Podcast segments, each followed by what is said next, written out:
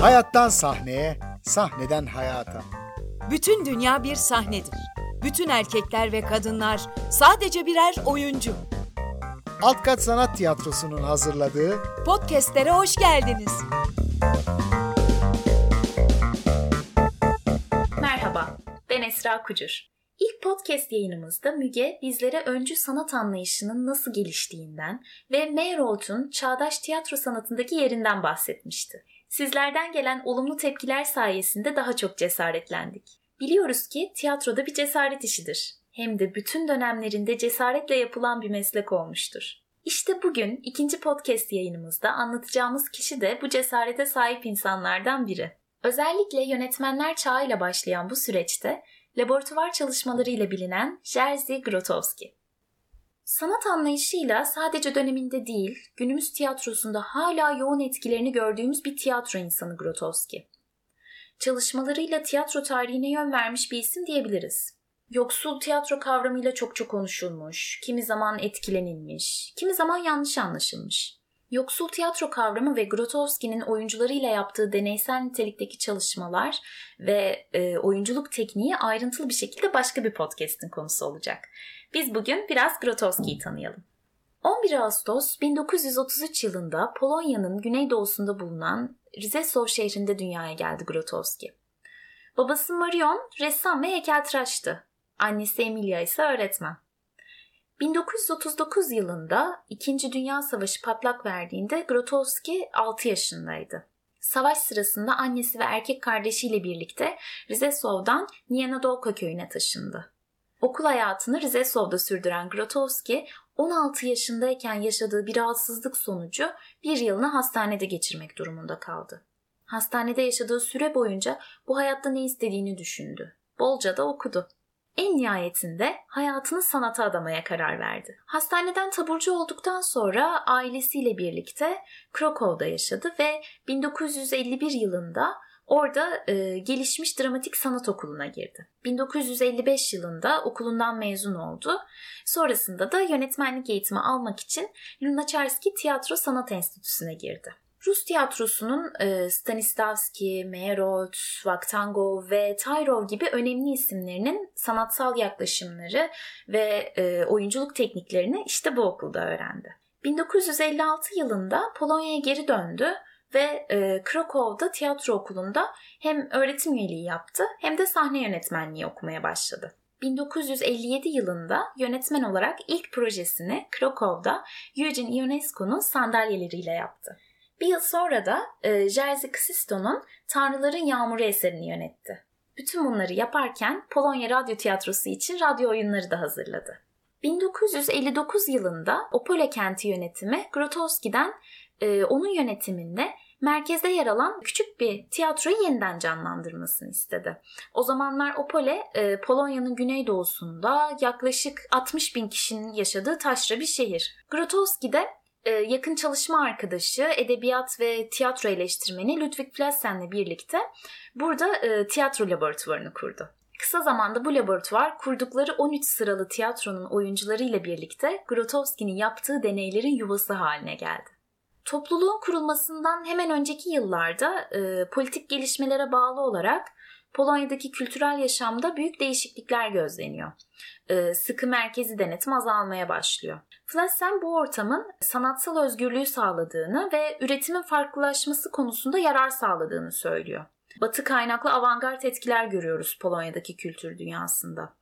Bu etkilerin e, vurguyu edebiyattan sahne tasarımına, teknik araçlara çekmesi anlamında negatif bir yol çizmeye sebep olacağı da düşünülüyor bir taraftan. Oyuncunun kuklalaşması, işte diktatör yönetmen tarzında değişler duyuluyor tiyatro camiasında. İşte Grotowski böyle bir ortamda tiyatroda devrim etkisi gösteren çalışmalarıyla gündeme geliyor.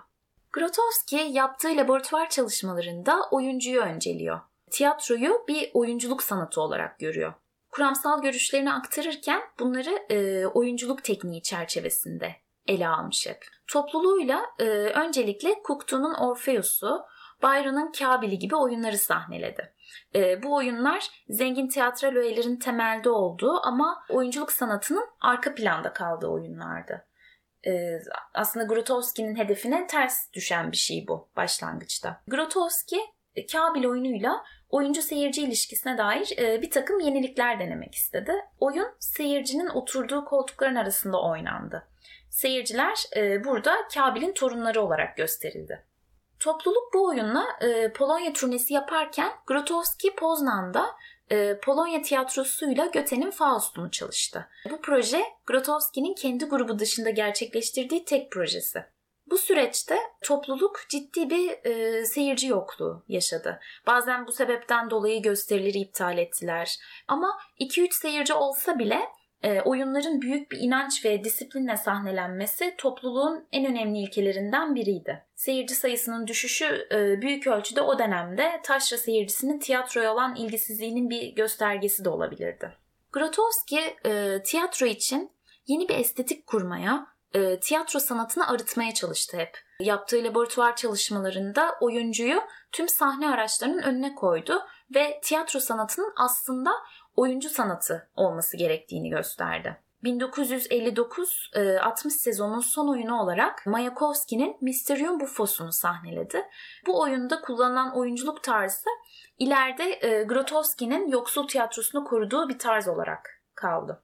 Tiyatroyu e, sanat dallarının birleşimi olarak gören düşünceye karşı çıkması Grotowski'nin zengin bir tiyatrodan yoksul bir tiyatroya doğru gidişine kaynaklık etti. Yoksul tiyatro kavramıyla ritüelistik olana dönülmesi gerektiğini vurguladı çünkü hep. E, çünkü ona göre e, tiyatroda esas olanın oyuncu olması nedeniyle kostüm, makyaj, dekor, ışık olmadan da tiyatro yapılabilir. Çünkü tiyatroda hiçbir kural kutsal değildir. Kutsal olarak görülen, e, kabul edilen birçok şey elenmelidir. Böyle bir tiyatro e, anlatımın tüm olanaklarını böylece oyuncuya bırakacaktır ki e, bu arındırılmış tiyatro Grotowski'nin yegane hedefiydi. 1960-61 e, sezonunda ise Grotowski Kalidasa'nın Şakuntalası'nı sahneye taşıdı. Bu oyunu daha önce radyo oyunu olarak da yönetmişti Grotowski. Mimar Jerzy Grawski ile birlikte bu projeyle çalışmaya başlıyor. Oyuncu ve seyirci arasındaki sahne ilişkisi bağlamında e, bir yenilik taşıyordu bu proje. Seyirciler e, birbirlerine karşılıklı bakacak şekilde iki bölüme ayrıldı ve seyircilerin arkasına iki tribün eklendi. E, bu tribündeki yorumcular aksiyonu yorumluyorlardı. Seyirciler burada sadece oyunu izleyen değil, aynı zamanda keşiş ve saraylı kalabalığı oldular. 1960-1961 sezonunun son projesi Adam Mickiewicz'in e, Atalar oyunuydu. Grotowski'ye göre bu metin ritüel bir sahnelemeye olanak sağlıyordu. Grotowski bu oyunla tam da istediği gibi e, törensel bir katılım gerçekleştirecekti aslında. Bu yüzden geleneksel sahneyi ortadan kaldırıp e, seyircileri salonda bir herhangi bir sıra gözetmeksizin serpiştirdiler. Bu düzenle Grotowski seyircilerle oyuncuların karşı karşıya kalmalarının yanında e, birbirleriyle de yüzleşmelerini, aksiyon karşısında e, birbirlerinin verdikleri reaksiyonları gözlemlemelerini amaçladı. Flassen'in söylediği gibi aslında. Yönetmen gösterisini yalnızca oyuncularla inşa etmez. Aynı zamanda seyircilerle inşa eder. Teatral köken bu iki topluluğun kesişiminde yaratılır. Atalar oyunu sahnelenirken e, Eugene Barba bu gösterilerden birini seyrediyor ve bunun üzerine Grotowski'nin iki yıl boyunca asistanlığını yapıyor. Tiyatro laboratuvarının batıda tanınmasında Eugene Barba'nın büyük etkisi olduğunu söyleyebiliriz bu noktada. Başka bir podcast'te size mutlaka Barba'dan söz edeceğiz zaten. Grotowski'nin e, bir sonraki projesi olan Kordiyan'da da seyircinin oyuna birebir katılması hedeflendi. Bu oyun akıl hastanesinde geçiyor oyunda hastane yataklarını bütün mekana yayarak e, seyircileri yataklar arasındaki san, e, sandalyelere yerleştiriyorlar. Seyircilerle oyuncular arasındaki mekan ayrımını ortadan kaldırmış e, oldular böylece. Klinikteki hasta konumunda olan yalnızca oyuncular değil, aynı zamanda seyirciler oldu. Çünkü e, Grotowski'ye göre seyirci e, sahnedeki aksiyonun bir parçası olmalıydı. E, tiyatro laboratuvarı seyircisi oyuna kendi içine dönmek, araştırmak, keşfetmek için gelmeli. E, bunun için tiyatro oyuncusu da seyirciyi şaşırtıp e, seyircinin ruhsal derinliklerini keşfetmesini sağlamalıydı. Baktığımızda bu bir nevi ilkel tiyatroya dönüştü. Grotowski'ye göre e, oyuncunun özgür ve yaratıcı tepkiler verebilmesi için maskelerinden kurtulması ve kendisiyle yüzleşmesi gerekiyordu. Bunun sağlanabilmesi için insan bedeni hayvansılığına geri dönmeliydi. E, bu durum saptamasıyla Antonin Artaud'un etkisi altında olduğunu söyleyebiliriz aslında. Bedeni doğadan kopartan bir tiyatro değil, geleneksele dönüşü amaçlayan gerçek bir tiyatro. Buna ihtiyaç vardı. 1962'de e, Stanislav Wyspianski'nin yazdığı Akropolis'i sergiledi.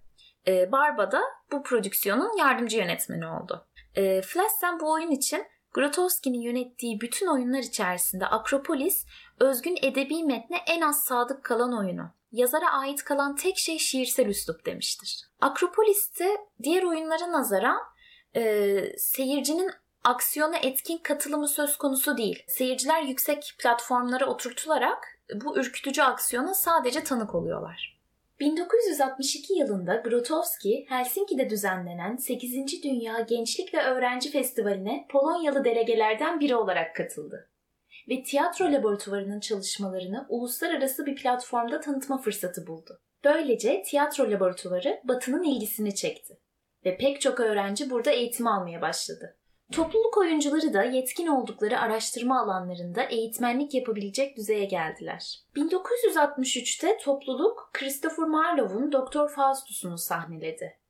Bu oyunda seyirciler oyun kahramanının konukları görevindeydi ama e, diğer oyunlardan farklı olarak seyircinin reaksiyon göstermesi hedeflenmedi. Seyircilerin arasına iki oyuncu yerleştirildi. Reaksiyonu bu iki oyuncu verdi. 1965'te tiyatro laboratuvarı Opole'den yarım milyon kişinin yaşadığı Polonya'nın kültürel başkenti sayılan Wrocław'a yani şu anki yerine taşındı. Oyunculuk Araştırma Enstitüsü olarak laboratuvarın faaliyetleri Opole ve Wrocław belediyeleri tarafından kesintisiz devlet yardımı alıyor. Wrocław'daki yeni binada sergilenen ilk oyun Akropolis oldu. Sonrasında ise Sadık Prens. Sadık Prens'le birlikte tiyatro laboratuvarı oyuncuları artık ektiklerini biçmeye başladılar diyebiliriz. Oyun 5 yıl boyunca uluslararası turnelerde sergilendi. Flessen bu oyunu Grotowski'nin oyunculuk yönteminin teyit edilmesini sağlayan bir tür egzersiz olarak gördü. Her şey oyuncuda, onun bedeninde, onun sesinde ve onun ruhunda yoğrulmuştur şeklinde ifade etti. Grotowski'nin çalışma tekniğinde oyuncu ve yönetmen arasında ciddi bir mahremiyet söz konusu kuşkusuz. Ee, başarı sağlayabilmek için arada yoğun bir güven duygusunun parıldaması şart. Çünkü Grotowski oyuncusunun kendisini ona emanet etmesini istiyor. Kendine emanet edip özgür davrandığı zaman oyuncunun kendini keşfedebileceğini, e, böylece ortak bir gelişme olacağını savunuyor. Oyuncu yeniden doğar ve onunla birlikte ben de yeniden doğarım. Başardığımız şey bir insanın bir başka insanca tam kabullenilişidir şeklinde ifade eder bu düşüncesini. Grotowski, Sadık Prens sahnelendikten sonra kendine eşlik eden oyuncu arkadaşlarıyla Avrupa'yı dolaşmaya başladı. Seminerlere katıldı, araştırmalarını, oyunculuk teorisinin kanıtlarını sundu, atölyeler verdi. 20. yüzyılın başından itibaren tiyatroda kültürler arası bir eğilim gözleniyor. Farklı kültürlerin tiyatro geleneklerinin ya da farklı disiplinlerin tiyatroya sızdırılması söz konusu. Grotowski'nin verdiği oyunculuk eğitiminde de çeşitli ülkelerin kültürlerinden öğrendiği teknikler yer alıyor. Doğudan aldığı Hatha Yoga, Hint Katakali, e, Japon geleneksel oyunculuk örnekleri, Charles Daly'nin evritmi çalışmaları, Ortaçağ meditasyon teknikleri, Marcel Marcion'un pantomimi, Wilhelm Reich, e, William James gibi psikologların kuramları bu teknikler arasında. Fakat e, bu söylediğimden onun bu tekniklerin birleşiminden faydalandığı çıkarılmamalı. Elbette bu tekniklerin içerisinden bazı öğeleri kullanmayı tercih ediyordu ama oyuncularına önceden belirlenmiş bir beceriler zincirine aktarmak değildi onun hedefi. Hileler torbası diyordu böyle bir bileşim için. Onun amacı bu tekniklerden faydalanıp oyuncularının kendi içlerine dönmeleri, gösterdikleri direnci bir trans tekniğiyle ortadan kaldırmaya yönelikti yaklaşımını negatif yol olarak adlandırdı. Becerilerin toplanmasından değil, engellerin kaldırılmasından meydana gelen bir yol. Grotowski e, yaptığı çalışmalarla kısa zamanda Avrupa'da bilinir hale geldi. Onun Avrupa'da tanınır olması ve Barba'nın tartışılmaz çabaları sayesinde tiyatro laboratuvarı çeşitli tiyatro festivallerine katıldı ve yurt dışı turnelerine gitti. İsveç, Danimarka, Norveç, Hollanda, Belçika, İtalya, Yugoslavya, Meksika, İngiltere, Fransa, Amerika artık e, tiyatro laboratuvarı dünyanın dört bir yanında biliniyordu. 1966'da tiyatro laboratuvarının ismi değişti. Tiyatro laboratuvarı oyunculuk yöntemini araştırma enstitüsü oldu. Artık araştırma ve eğitime ağırlık vererek yol alınacağını gösteriyordu bu isim değişikliği. Bunun akabinde Grotowski yurt dışı atölye ve seminerlerini de sürdürmeye devam etti. 1968'de premier tarihi olarak belirlenen İnciller adını verdiği prodüksiyonun sonuçlanmaması üzerine Polonya basınından Grotowski'ye ve tiyatro laboratuvarına sert eleştiriler geldi. Oysa ki baktığımızda yaptıkları tamamen yeni bir şey olmamasına rağmen oyunun bütününe bakıldığında geçmişteki çalışmaların izleri görüldüğü için oyunu sahnelememeye karar vermişlerdi. Bu bekleme sürecinin ardından Grotowski 1969'da 20. yüzyılın en büyük tiyatro prodüksiyonlarından biri olarak kabul edilen Apokalipsis kan figüresi yönetti. Bu oyun tiyatro laboratuvarının repertuarında tam 12 yıl kaldı. Apokalipsis, Grotowski'nin yönettiği son tiyatro laboratuvarı oyunu oldu. Bu oyun hem onun için hem de oyuncuları için büyük bir dönüm noktası niteliğindeydi. Hatta bir e, basın toplantısında Apokalipsis'in yeni araştırma olanakları sağladığını ve e, yaşanmakta olan dönemin tiyatro ötesi bir dönem olduğunu söyledi. Yoksul tiyatro artık onlar için geçmiş dedikleri bir şeydi çünkü. Keşfedilmeyenin peşine düşmüşlerdi. Grotowski'nin tiyatro kuramı 1978 yılına kadar verdiği seminerler, konferanslar ve eğitimler aracılığıyla pek çok ülkede bilinir hale geldi. Sadece Grotowski değil, tiyatro laboratuvarının diğer üyeleri de alanlarında ustalaşmış eğitmenler haline geldiler. 1970 yılının sonlarında tiyatro etkinliklerini bitireceklerini zaten önceden söylemişlerdi. Bunun akabinde 1984 yılında ortak bir bildirge yayınladılar ve 25 e, yıllık tiyatro laboratuvarının sona erdiğini belirttiler. Grotowski 1986 yılında İtalya'da bir ekip kurarak tiyatro çalışmalarına devam etti. Yaşamının son dönemlerinde derinlikli fiziksel devinimi geliştiren Stanislavski'nin yürüttüğü çalışmaların devamını getirdi ve bu çalışmalara derinlik kattı. Thomas Richardson dediği gibi fiziksel eylemler Stanislavski için de Grotowski için de bir gereç olup hedefleri ayrıdır. Yöntemini e, Niels Bohr'un kurduğu fizik enstitüsünün çalışmalarına benzeten, laboratuvarında adeta bir bilim insanı gibi çalışıp tekniğini geliştiren Grotowski, tiyatro dünyasına yepyeni bir bakış açısı kazandırdı. Tüm yaşamını sabır ve disiplinle tiyatro oyuncusunun olanaklarını araştırmaya adadı. Oyuncunun bedenine, bilinç dışına, tıpkı bilimsel deney yapılan bir laboratuvarda çalışır gibi yaklaşılması gerektiğini savundu hayatı boyunca araştırdı. Bazen e, yıllarca üzerinde çalıştığı bir şeyin doğruluğunu ispatlarken bazen de yeni bir sayfa açıp sıfırdan araştırmaya başladı. Deneysel çalışmalarından günümüzde hala faydalanılan Grotowski 1999 yılında kanser nedeniyle hayatını kaybetti. Gelenekten faydalanıp geleneğin dışında olan çalışmalarıyla pek çok tiyatro insanını derinden etkiledi Grotowski.